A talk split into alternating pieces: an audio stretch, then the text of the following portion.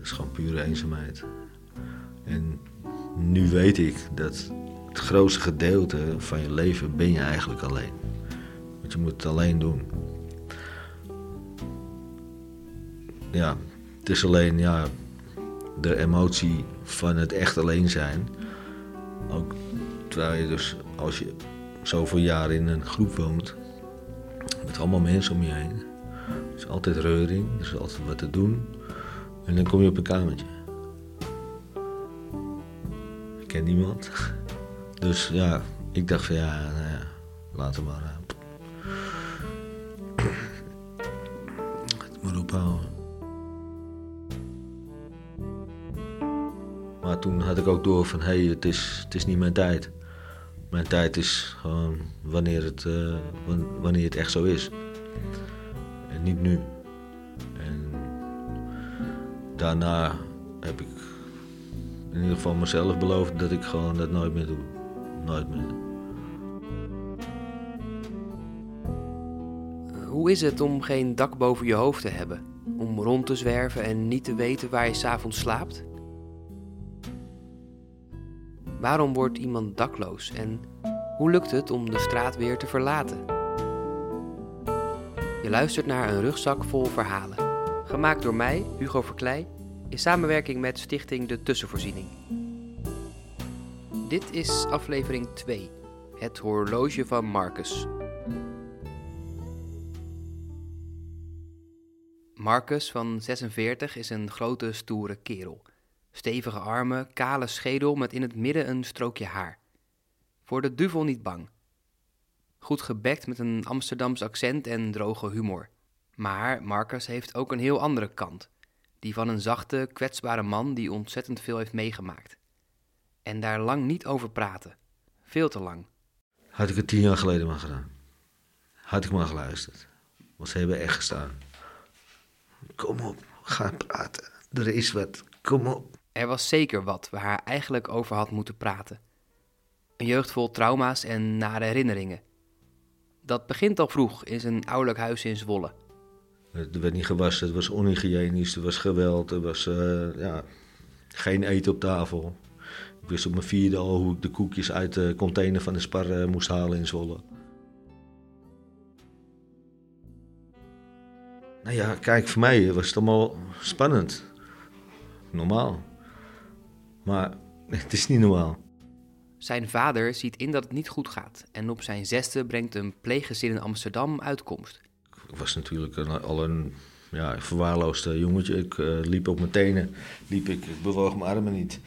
En uh, nou, praten was al uh, een probleem, dus ik moest gelijk op logopedie. En looptraining. En, maar goed, ik kwam in een warm bad. Toch gaat het daar niet goed en op zijn vijftiende komt Marcus te wonen in een internaat. Drie jaar later is hij volgens de wet volwassen en verhuist naar een klein kamertje in Nieuwegein.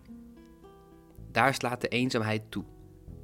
Marcus is zo klaar met het leven dat hij op een dag probeert er een eind aan te maken. Hij snijdt in zijn pols, maar doet het niet goed en overleeft. Met een groot litteken als gevolg. Dat verbergt hij door het dragen van een horloge. Vroeger droeg ik echt een horloge omdat ik het niet wilde laten zien. Ik sprak er ook niet over. Dat is gewoon een no-go.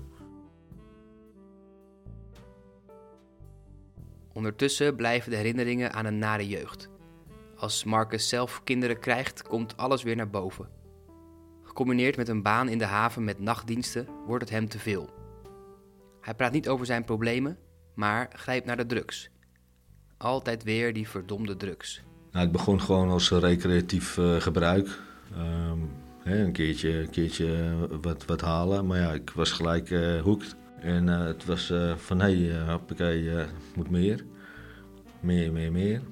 Ja, er gaan duizenden euro's gaan erin om. En nou, je relatie daar gaat er ook echt van wankelen. Ik liep al een tijdje op het randje.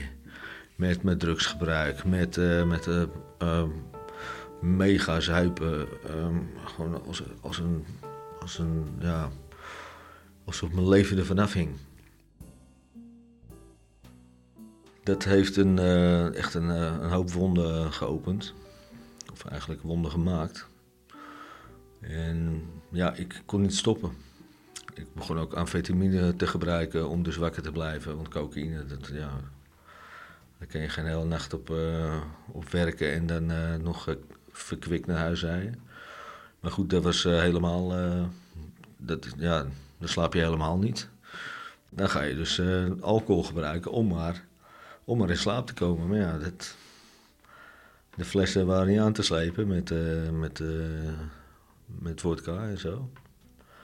Ja, dat werkt dus helemaal niet, omdat je, je systeem is zo volgeladen met, uh, met, met speed.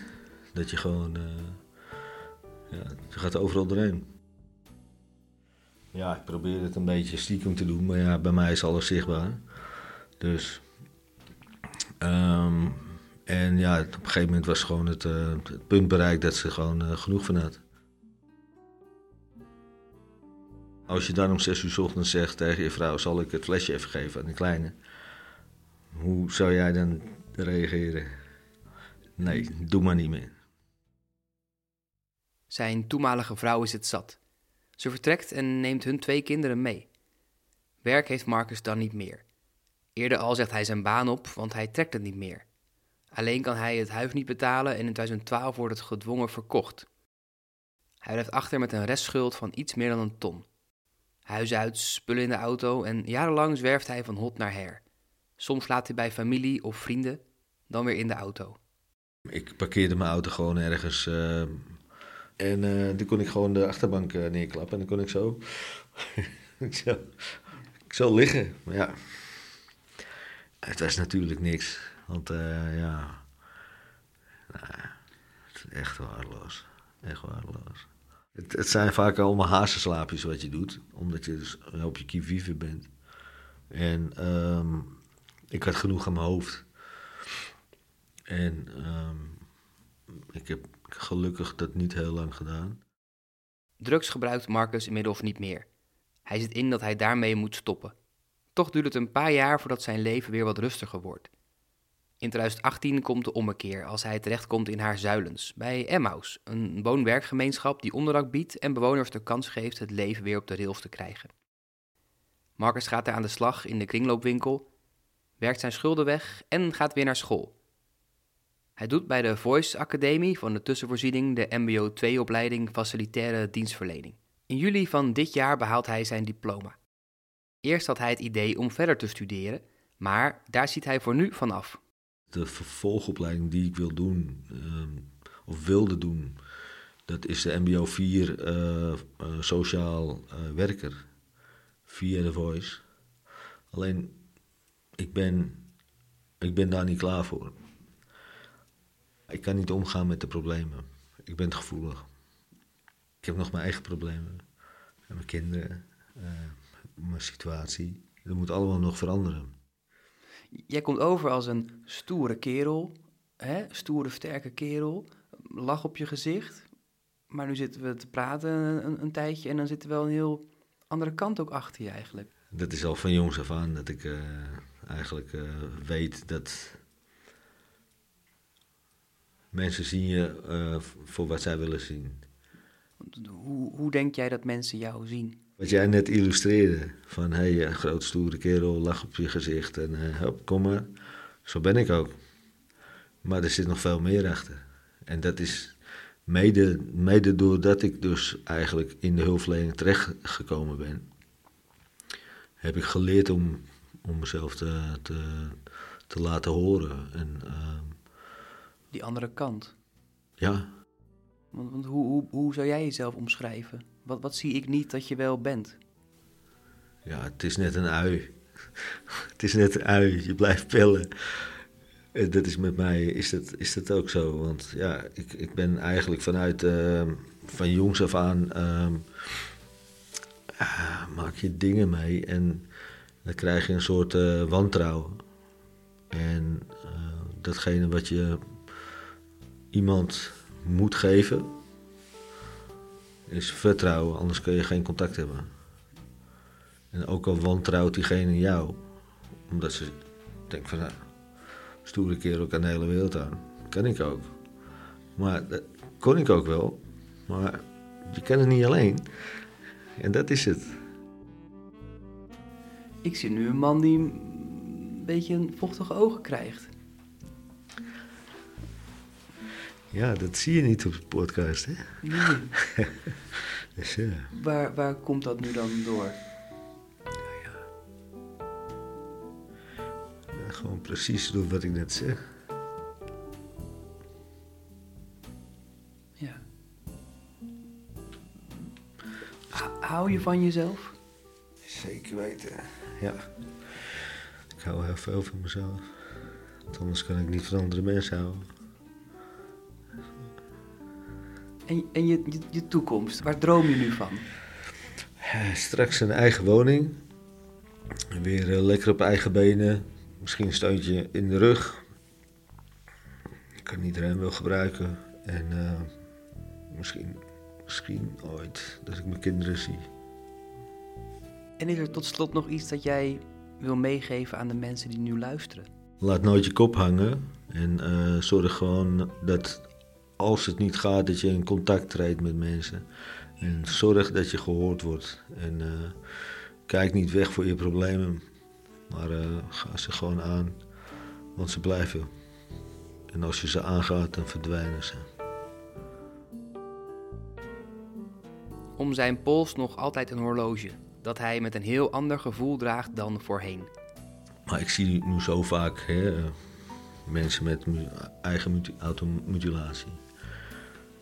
En dan denk ik van ja, ach, iedereen heeft wel eh, wat en littekens. En, dus ik vind het ook niet, ik schaam me niet meer.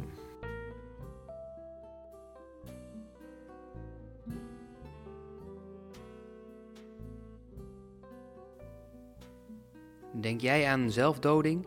Je bent niet alleen. Praat erover en neem contact op met 113 zelfmoordpreventie via www.113.nl of bel 113 of 0800 0113.